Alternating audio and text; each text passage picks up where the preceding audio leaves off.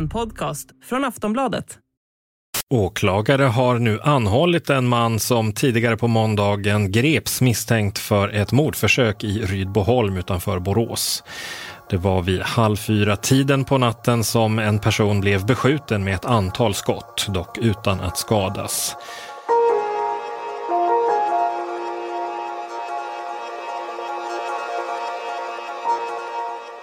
Reklamutdelaren kom och körde i sin bil vid halv fyra-tiden på morgonen.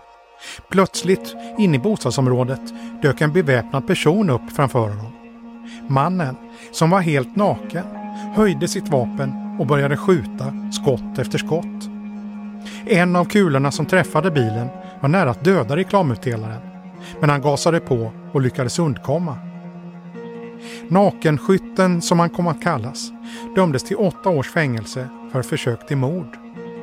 Men hovrätten kom fram till en annan slutsats och frikände honom helt från skjutningen. Är det rimligt att någon som skjuter skarpt mot en människa ska undgå straff? Hur kunde det bli så här? Hade det skett en miss i rättssystemet? Det ska vi titta närmare på i det här avsnittet av Aftonbladet Krim. Jag heter Anders Johansson.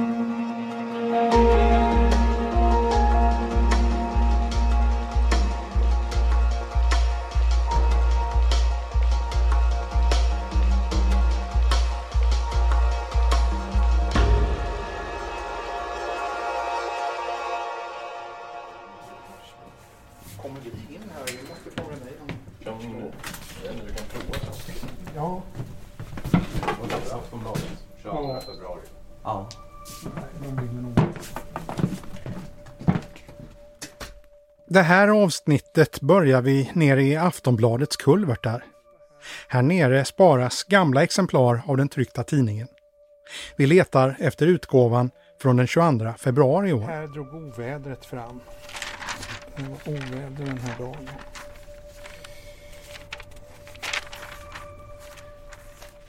Vi letar efter en notis om en dom. Men tidningen är fyllt med annat. Det här är några dagar innan Rysslands invasion av Ukraina.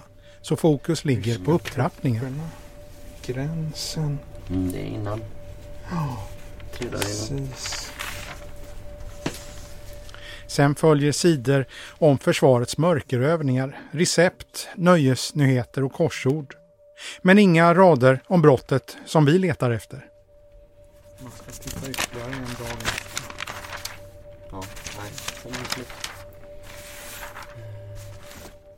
Nej, ingenting den 22 februari och inte heller något den 23. Efter att ha bläddrat igenom flera dagars tidningar får vi ge upp.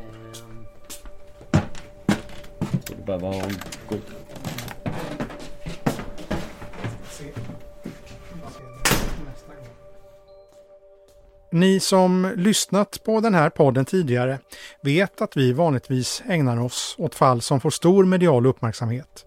Kontraktsmord, gänguppgörelser, IS-resenärer och andra omskrivna fall.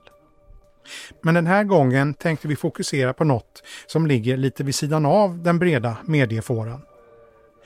Två dagar efter att vi har varit nere i kulvertarna och letat får vi ett paket levererat till redaktionen med ett exemplar av Borås Tidning.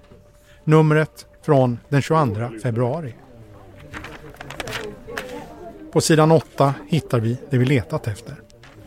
Här har vi då på sidan 8. Ja, det blir ändå en halv sida av det. Det är det ja. Nakenskytten frias från mordförsök. Insåg inte risken.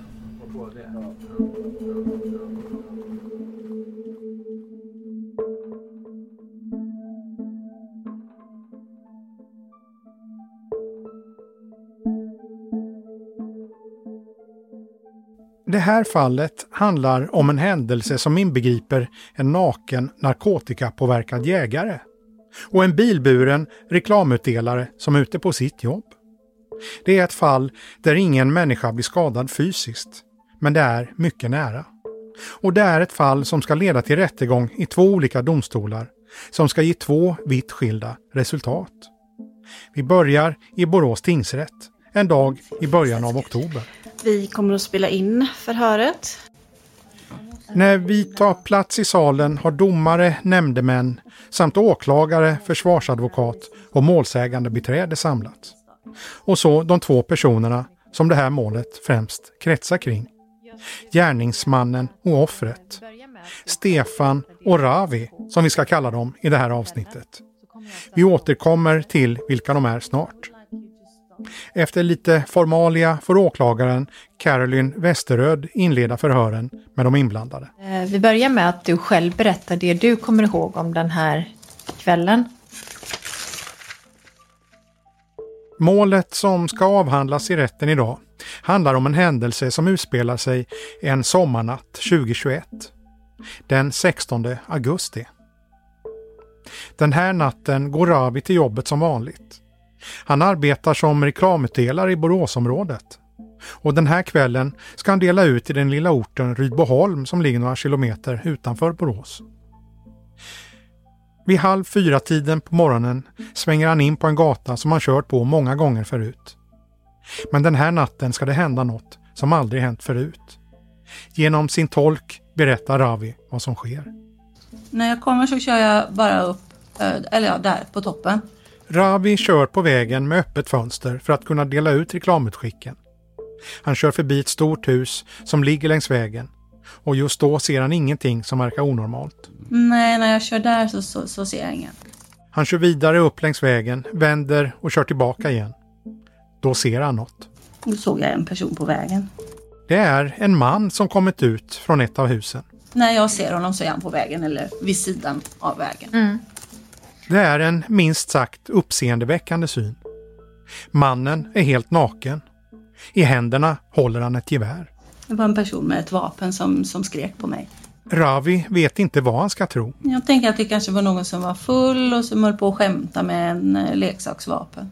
Mannen skriker mot bilen och situationen blir snabbt mer hotfull. Han började sikta så här mot mig, mot bilen.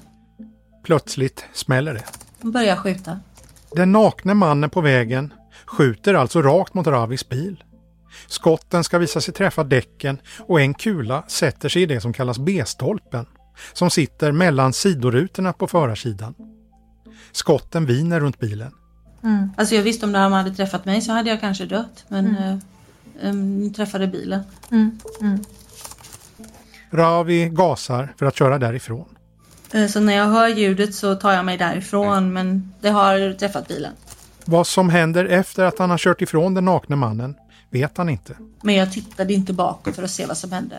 Ravi kör några hundra meter och ställer sig sen och ringer polisen. Eh, efter jag kommer till en annan gata och ringer 112 så, så går jag ur bilen efter polisen har kommit. Larmet kommer in till polisen 03.39.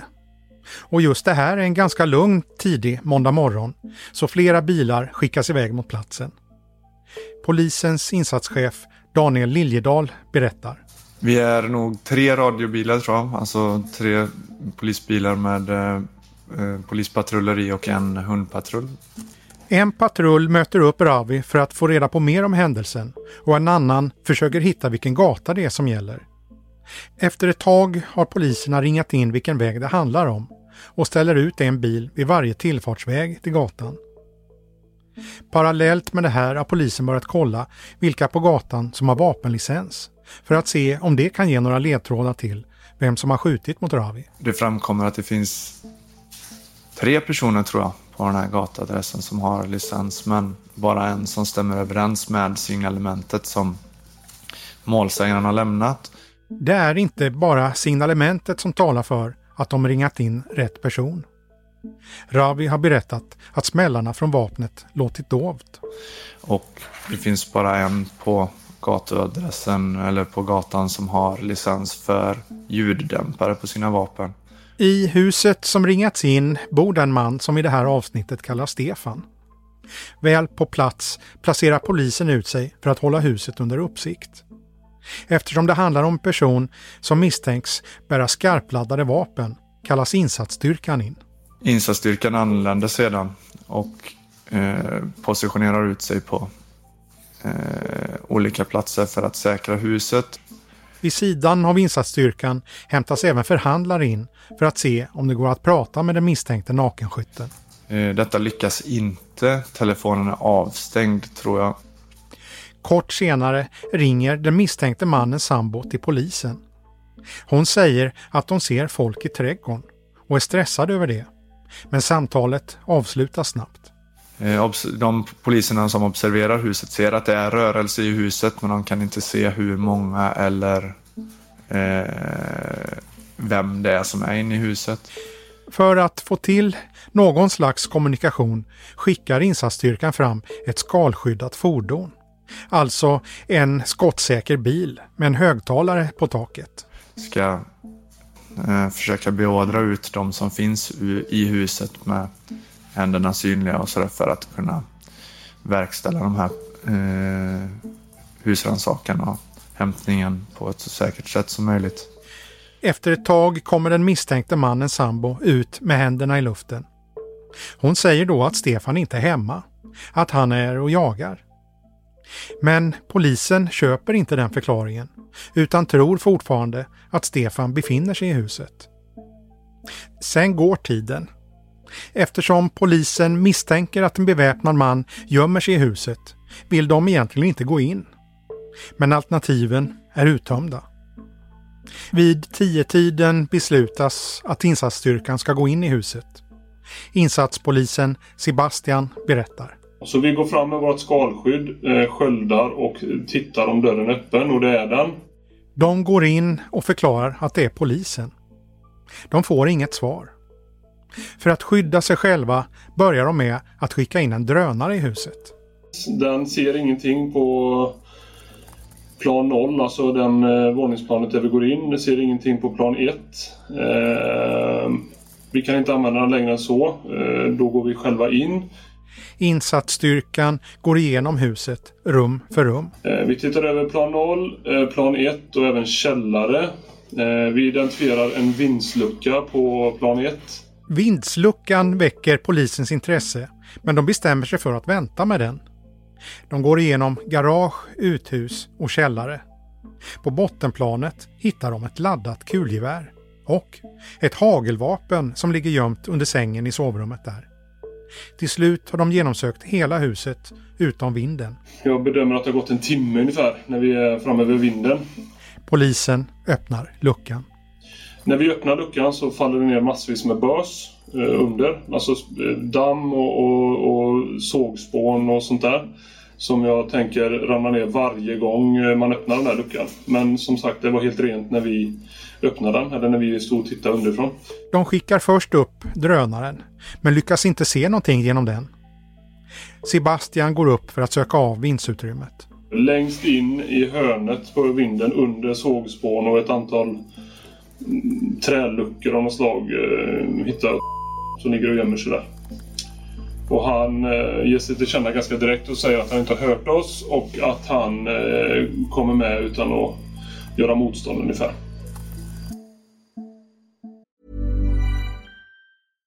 Hey, I'm Ryan Reynolds. At Mint Mobile, we like to do the opposite of what Big Wireless does. They charge you a lot, we charge you a little. So naturally, when they announced they'd be raising their prices due to inflation, we decided to deflate our prices due to not hating you. That's right. We're cutting the price of Mint Unlimited from $30 a month to just $15 a month. Give it a try at mintmobile.com slash switch. $45 upfront for three months plus taxes and fees. Promo rate for new customers for limited time. Unlimited more than 40 gigabytes per month. Slows. Full terms at mintmobile.com.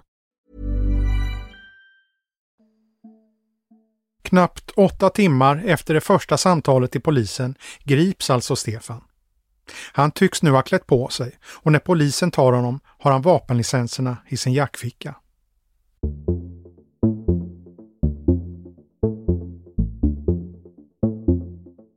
Några timmar efter gripandet håller polisen det första förhöret med Stefan.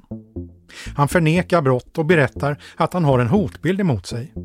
Att det finns kriminella som är ute efter att råna honom. Han vill inte svara på om han skjutit mot någon bil under natten.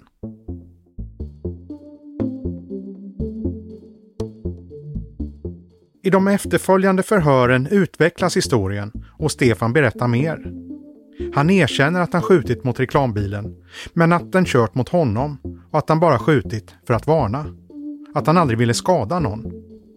Utredningen visar också att Stefan varit påverkad av amfetamin under den aktuella natten. Den 30 september väcker åklagare Andrea Andersson åtal. Sveriges Radio P4 Sjuhärad rapporterar. Nu väcks åtal mot en 43-årig man som suttit häktad sedan en tid tillbaks misstänkt för mordförsök på ett tidningsbud i Rydboholm i Borås kommun i augusti. När Stefan förhörs i rätten frågar åklagaren hur han tänker kring att hans skott träffade i den så kallade B-stolpen precis bredvid förarsätet. Om det nu var så att han bara ville varna. Jag vet att jag, jag siktade aldrig på, på föraren eller någon i bilen. Åklagaren undrar vidare vad Stefan tänkte när han sköt. Att de skulle köra över mig liksom. Och,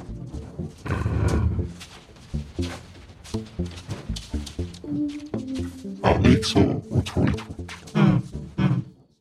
I förhöret kan han inte heller svara på om han kände sig påverkad när det hela utspelade sig. Jag vet inte, sömntabletter och så.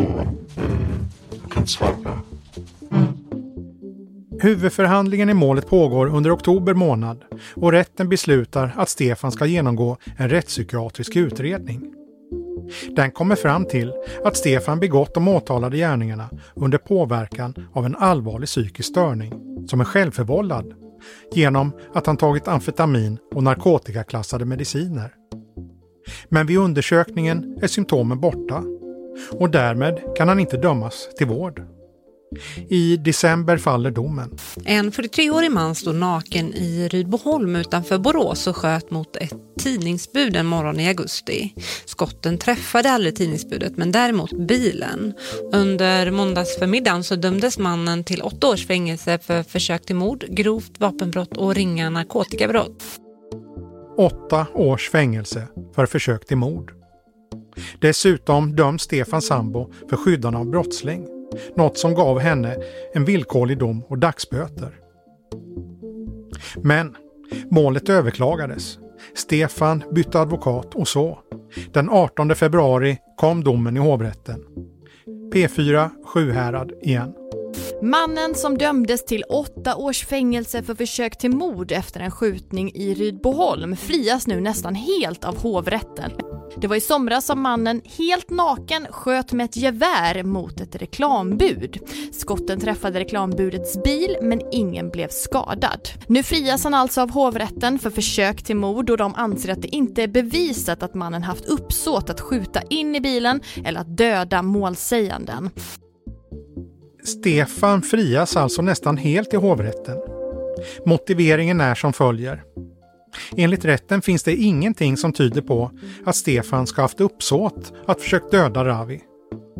Frågan är då istället ifall Stefan haft så kallat likgiltighetsuppsåt. Alltså att han inte brytt sig om risken att skotten kunde ha dödat någon. Men i domen gör hovrätten en samlad analys av skottvinklar, Stefans jägarerfarenhet och de andra omkringliggande omständigheterna. Slutsatsen blir att det inte går att slå fast att Stefan förstått att det fanns en risk för att Ravi skulle avlida eller ens skadas av skotten. Han kan därför inte dömas för mordförsök eller försök till misshandel. Avslutningsvis skriver hovrätten att Stefan medgett att det hela objektivt sett skulle kunna betraktas som grovt olaga hot och framkallande av fara för annan. Men eftersom åklagaren inte yrkat för det så tar inte hovrätten heller ställning till det. Stefan döms istället för ringa narkotikabrott och brott mot vapenlagen. Straffet, villkorlig dom.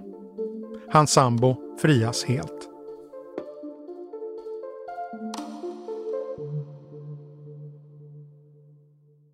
Är det någon som har gjort fel här? Har åklagaren gjort en miss eller har rätten inte förstått? Eller är det kanske bara så att ett rättsfall kan se märkligt ut trots att det egentligen inte är någon som har gjort något fel? Allt som allt går att säga att det här målet kokar ner till två punkter som förklarar varför det gått som det gått. Nummer ett. Vad ville egentligen Stefan åstadkomma när han sköt mot bilen? Nummer två. Ska gärningen bedömas som mordförsök? För att förklara kommer vi ta de här punkterna i tur och ordning. Och vi börjar med det som handlar om vad Stefan egentligen ville när han sköt mot Ravis bil.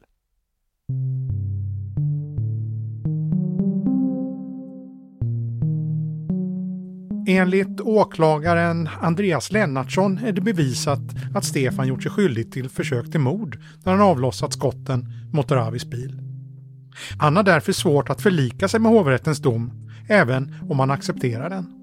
Ja, nej, men som sagt alltså, jag har ju att respektera hovrättens dom så att säga. Eh, det, det är ingenting mer med det på det sättet. Men, men det jag har lite svårt att förlika mig med i den domen eh, och det ligger ju i linje med hur tingsrätten argumenterat också. Det är ju det faktum då att man konstaterar att, att det här är en farlig gärning, att det fanns risk för att både träffas och, och, och avlidas som målsäganden. Eh, men att man då kommer fram till att, att eh, den tilltalade inte insåg att det fanns eh, någon eh, risk för att han skulle träffas. Åklagaren menar alltså att genom att skjuta mot bilen har Stefan gjort sig skyldig till mordförsök, eller i alla fall försök till misshandel. Men här håller hovrätten inte med. Hovrättsrådet Göran Nilsson var en av de domare som var med och friade Stefan. Han förklarar. När det handlar om åtal för ett uppsåtligt brott som både försök till mord och försök till misshandel är, då, handla, eh, då blir den avgörande frågan om åklagaren har bevisat att skytten hade uppsåt i det som åklagaren påstod. Och man kan säga att uppsåt, lite förenklat, handlar ju om vad, vad den åtalade har velat, har förstått skulle hända eller i vart fall trodde skulle hända. Ja. Och, och, det är den, det är den eh, när, man, när man kommer till den bedömningen som hovrätten gör en annan bedömning än tingsrätten och eh, anser inte att den här eh, bevisningen som var framlagd räckte för att slå fast att skytten hade uppsåt till att eh, skada eller döda bilföraren. Det handlar ju nämligen vid en sån uppsåtsbedömning om att eh, det gäller att ta ställning till om uppsåtet omfattar mer än vad som verkligen har hänt eftersom det är ett försöksbrott. Så att när hovrätten gjorde en annan bedömning än tingsrätten, då blir det också så att åtalet ogillades helt i, i hovrätten. Just, eh, och det är den eh, centrala frågan där eh, instanserna gjorde olika bedömningar. Kort och gott, det är bevisat att Stefan sköt och att ett av skotten skulle ha kunnat döda Ravi. Men det är inte bevisat att Stefan insåg att skotten riskerar att skada föraren genom att skjuta mot bilen. En faktor som spelar in i det här är Stefans erfarenhet som jägare. Han menar själv att han bara skjutit för att skrämmas och enligt hovrätten finns det inget som motbevisar att han bara velat skjuta en form av varningsskott. Även om Stefan dessutom befann sig i ett psykotiskt tillstånd så var det inget som påverkade hans förmåga att hantera vapnet, anser hovrätten. Domare Göran Nilsson utvecklar. Man kunde ju se att skottbilden var ganska samlad. Om man hade haft en oerfaren skytt så hade man fått fundera på hur skottbilden då hade kunnat påverkas. Men sammantaget så är det en av omständigheterna som talar emot åklagarens påstående om uppsåt ansåg hovrätten. Det var inte den enda omständigheten men, men tillsammans med de andra förhållandena i målet så, eh, så ble, blev det samlat så att eh, hovrätten inte ansåg det bevisat att det fanns ett sånt här uppsåt att döda eller skada bilföraren. Den här bedömningen delar inte åklagaren Andreas Lennartsson som snarare tycker att Stefans erfarenhet som jägare borde ses på rakt motsatt sätt. Vad hovrätten menar med att man ska beakta Stefans erfarenhet som jägare har han svårt att förstå. Ja, de, de som kan svara på den frågan är, är ju ledamöterna i, i domstolen i hovrätten förstås. Eh, men jag har väl också dragit den slutsatsen att, eh, eller jag har tolkat det så som de har skrivit på det viset att man, man menar att, att han hade en sån kontroll i den här situationen och siktade på ett sånt sätt att han räknade med att inte, inte träffa. Eh, och då ska man ju ha med sig att han stod på ett relativt kort avstånd. Det är ett jaktvapen, bilen är i, i rörelse eh, och det här Liksom, det här skottet då som sitter i den så kallade B-stolpen. Eh, det är inte långt ifrån målsägandens huvud om man säger så, där, därifrån. Eh, och min argumentation byggde väl på också att man snarare skulle eh, använda hans erfarenhet som jägare i, åt andra hållet, det vill säga att han, rimligen utifrån det förstår att om man skjuter mot en, en bil på det här sättet så finns det risk att man, att man träffar. Eh, så det har jag lite svårt att förlika med. Sammanfattningsvis, enligt hovrätten går det inte att bevisa att Stefan velat eller borde ha förstått att han riskerar att döda eller skada Ravi när han sköt mot bilen. Att han har erfarenhet som jägare och inte träffar föraren tycks vägas in i den bedömningen. Därför menar hovrätten att han inte ska dömas för mordförsök.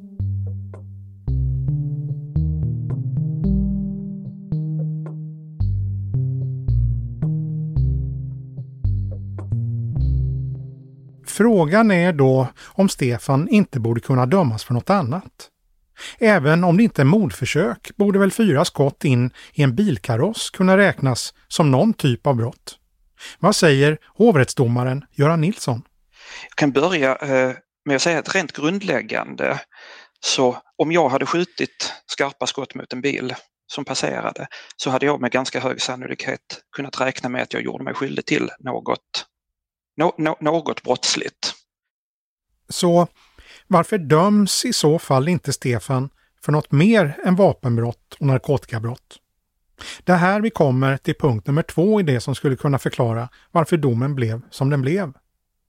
Den här biten handlar om det som kallas förstahandsyrkanden och alternativyrkanden.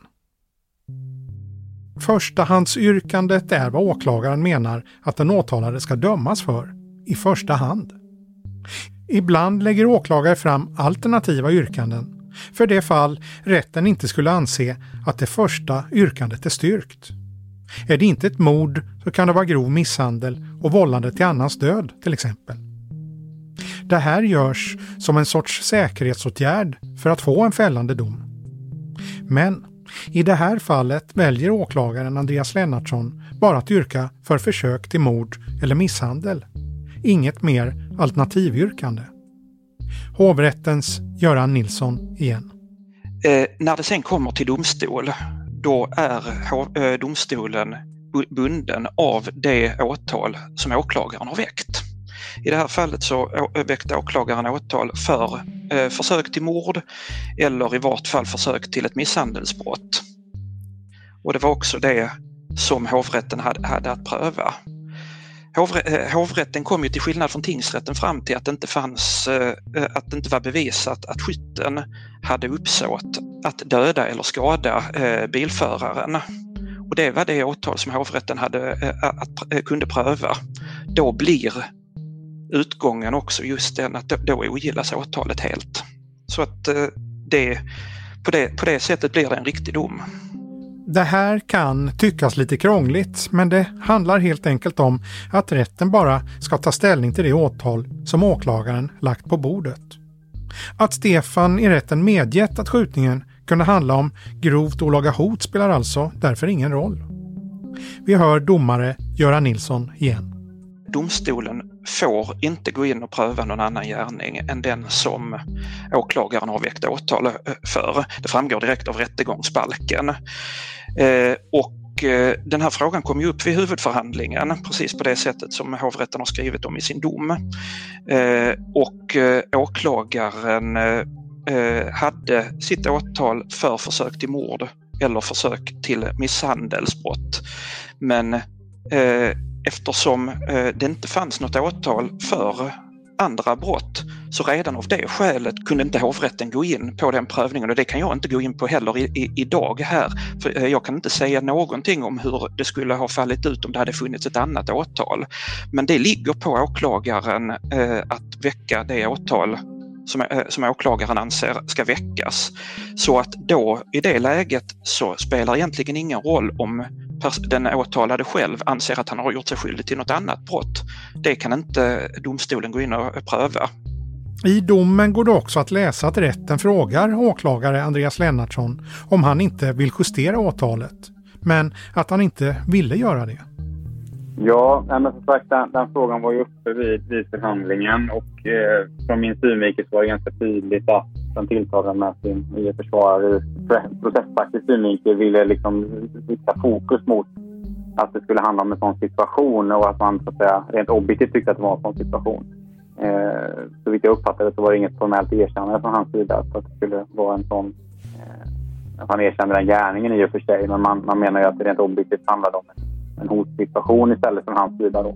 Och, eh, jag gick ju in med en, tyckte jag, då, bra tingsrättsdom i, i ryggen med en bra argumentation som jag hade argumenterat där och som tingsrätten hade accepterat. Eh, och mot den bakgrunden och förhållandena i övrigt så, så beslutade jag mig för att inte eh, justera åtalet till att eh, även omfatta en sån situation. Utan eh, lät en gärningsbeskrivning som jag hade var, var kvar, så att säga. Eh, och det är ju uppenbart att, att eh, att hovrätten verkar ha varit av en annan uppfattning kring det.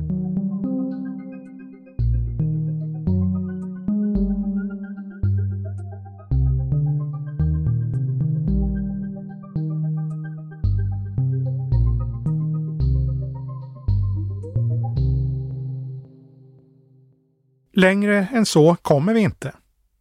Åklagaren har svårt att förlika sig med den bedömningen, medan hovrättsdomaren känner sig bekväm med vad de kommit fram till. Hovrättsdomaren vill inte säga om de skulle ha gjort en annan bedömning om åtalet kompletterats med alternativyrkanden. Men kunde någon ha gjort något annorlunda? Den frågan ställer vi till rättsexperten Sven-Erik Alhem, tidigare överåklagare som granskat fallet med nakenskytten för vår räkning. Han menar först och främst att det egentligen inte är märkligt att en tingsrättsdom ändras i hovrätten. Det är ju alltid så när en dom, utgången i en dom blir annorlunda i den ena instansen jämfört med den andra. Eh, när det är frågan om allvarliga brott, som mord till exempel. Det kan vara skillnader mellan frikännande och livstid. Eh, och det är enormt påfrestande. Det får jag ofta frågor om eh, på gatan. Hur kan det komma sig att man kommer fram till så olika resultat? Men det är inte så konstigt i verkligheten därför att om du tänker efter så är det ju varje dag så att domstolar kommer fram till olika resultat. Men trots att det är vanligt att domar ofta ändras menar Alhem att det finns saker som sticker ut i det här fallet. I det här fallet dock så finns det väldigt mycket som man kan sätta i fråga eh, från, från eh, formell synpunkt på handläggningen. Och eh, jag ställer mig, för, jag är förvånad över att åklagaren inte har agerat på ett mera, eh, vad ska vi säga, eh, säkert sätt så att man har varit säker på att det skulle ske en prövning också av andra tänkbara brott än just försök till mord. Sven-Erik Alhem ser flera saker som hade kunnat göras annorlunda. Han pekar bland annat på att en alternativ brottsrubricering till och med diskuterats i rätten. Och dessutom säger hovrätten att försvararen för den tilltalade eh, sa i hovrätten att det objektivt sett förelåg grovt olaga hot och framkallande fara för annan. Och då blev åklagaren tydligen tillfrågad, om man ska lita på vad hovrätten har skrivit, om det skulle då innebära att eh, åklagaren beaktade detta. Och åklagaren sa då enligt hovrätten att han endast gör gällande ansvar för försök till mord eller försök till misshandelsbrott och har uttryckligen avstått från att justera åtalet. Ja, så som jag läser domen så har det ju varit en klar indikation på, på att eh, Eh, det borde ske en åtalsjustering. Och här har åklagaren också hjälpts på traven av försvararen som faktiskt har sagt i hovrätten att det här innebär att det finns förutsättningar objektivt för att, eh, att eh, ett grovt olaga hot med framkallande av fara för annan har ägt rum. Sven-Erik Alhem, tidigare överåklagare, bedömer efter att ha läst domarna att det hela hade kunnat hanteras på ett annat sätt. Det är ju alldeles klart att detta var en väldigt, väldigt farlig situation. Tingsrätten har ju funnit att det var så kallat likgiltighetsuppsåt här och därför dömt honom för försök till mord till, till, till, till åtta år. Jag bortser nu från de andra brotten som också finns med i, i sammanhanget. Eh, vad som också är betydelsefullt det är ju att han, när detta hände, eh, hade ett drogutlöst eller alkoholutlöst psykotiskt tillstånd med nedsatt insikt och handlingskontroll. Det är väldigt viktigt att slå fast också. Men dock menade hovrätten att det fanns så mycket uppgifter om händelseförloppet och hans egna uppgifter spelade också stor roll där. Att han ändå eh, förstod att det var frågan om att han avlossade ett skott. Men det var ju för att skrämmas, som han själv sa, han gjorde det. Och de tre skotten, det är fyra sammantaget, de tre skotten har ju ändå funnits i de nedre delarna och det första träffade ju ett däck. Eh, och det talar också för med styrka att det har varit hans egen version som har varit väldigt ut, utgångsslag, utslagsbetydelsefullt. Eh, så att med enkelt uttryck så skulle man ha, jag tror att man skulle ha fått en dom som innefattade eh, grovt olaga hot och framkallande av fara för annan. Och då ska man ju betänka att för grovt olaga hot är det ändå en straffbestämmelse som är ganska tuff. Ehm, och det är då ändå upp till fyra års fängelse.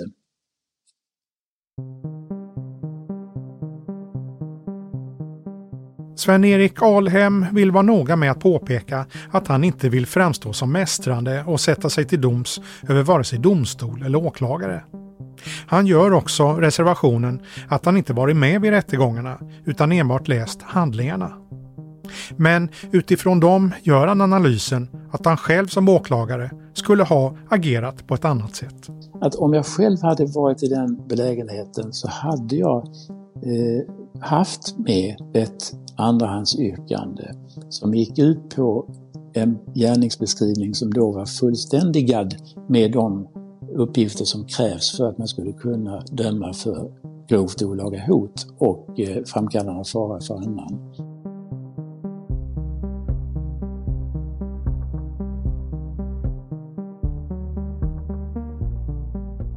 Hovrättens friande dom verkar juridiskt vara slutpunkten för det här fallet.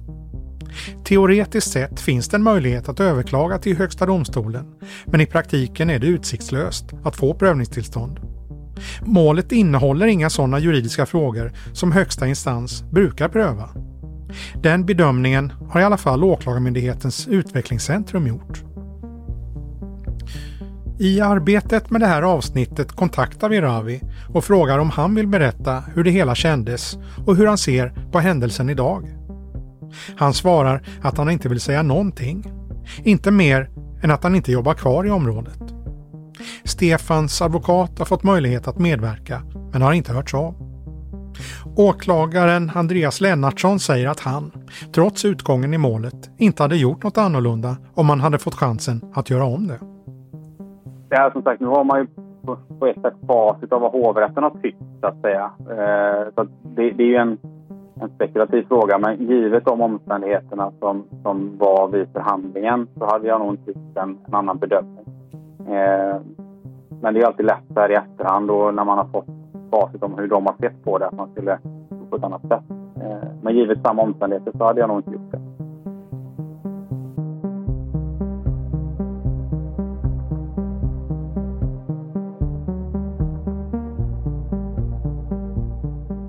Du har lyssnat på ett avsnitt av podden Aftonbladet Krim. Klippen kommer från Sveriges Radio P4 Sjuhärad. Tidningen som bläddras igenom i början är ett nummer av Borås Tidning. Producent för podden var Marcus Ulfsand. Jag heter Anders Johansson.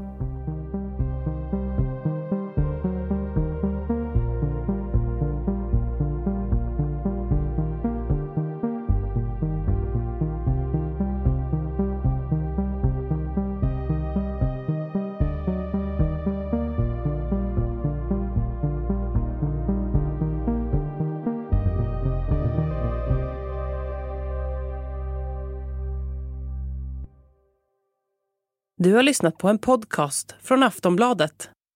Ansvarig utgivare är Lena K Samuelsson. Människan bakom monstret. Jag ville straffa dem för att de pratade med de vidriga killarna istället för mig.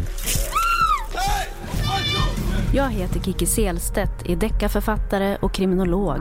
Och I den här poddserien tar jag mig in i huvudet på dem som kategoriseras som monster. Försöker förstå det logiska i det ologiska. Ju längre ner han sjunker desto mer desperat och aggressiv blir han. Han är en person där risktagande inte är något större problem. Exactly. Människan bakom monstret. En podd från Aftonbladet. Du hör den i Aftonbladets app och på Podmi.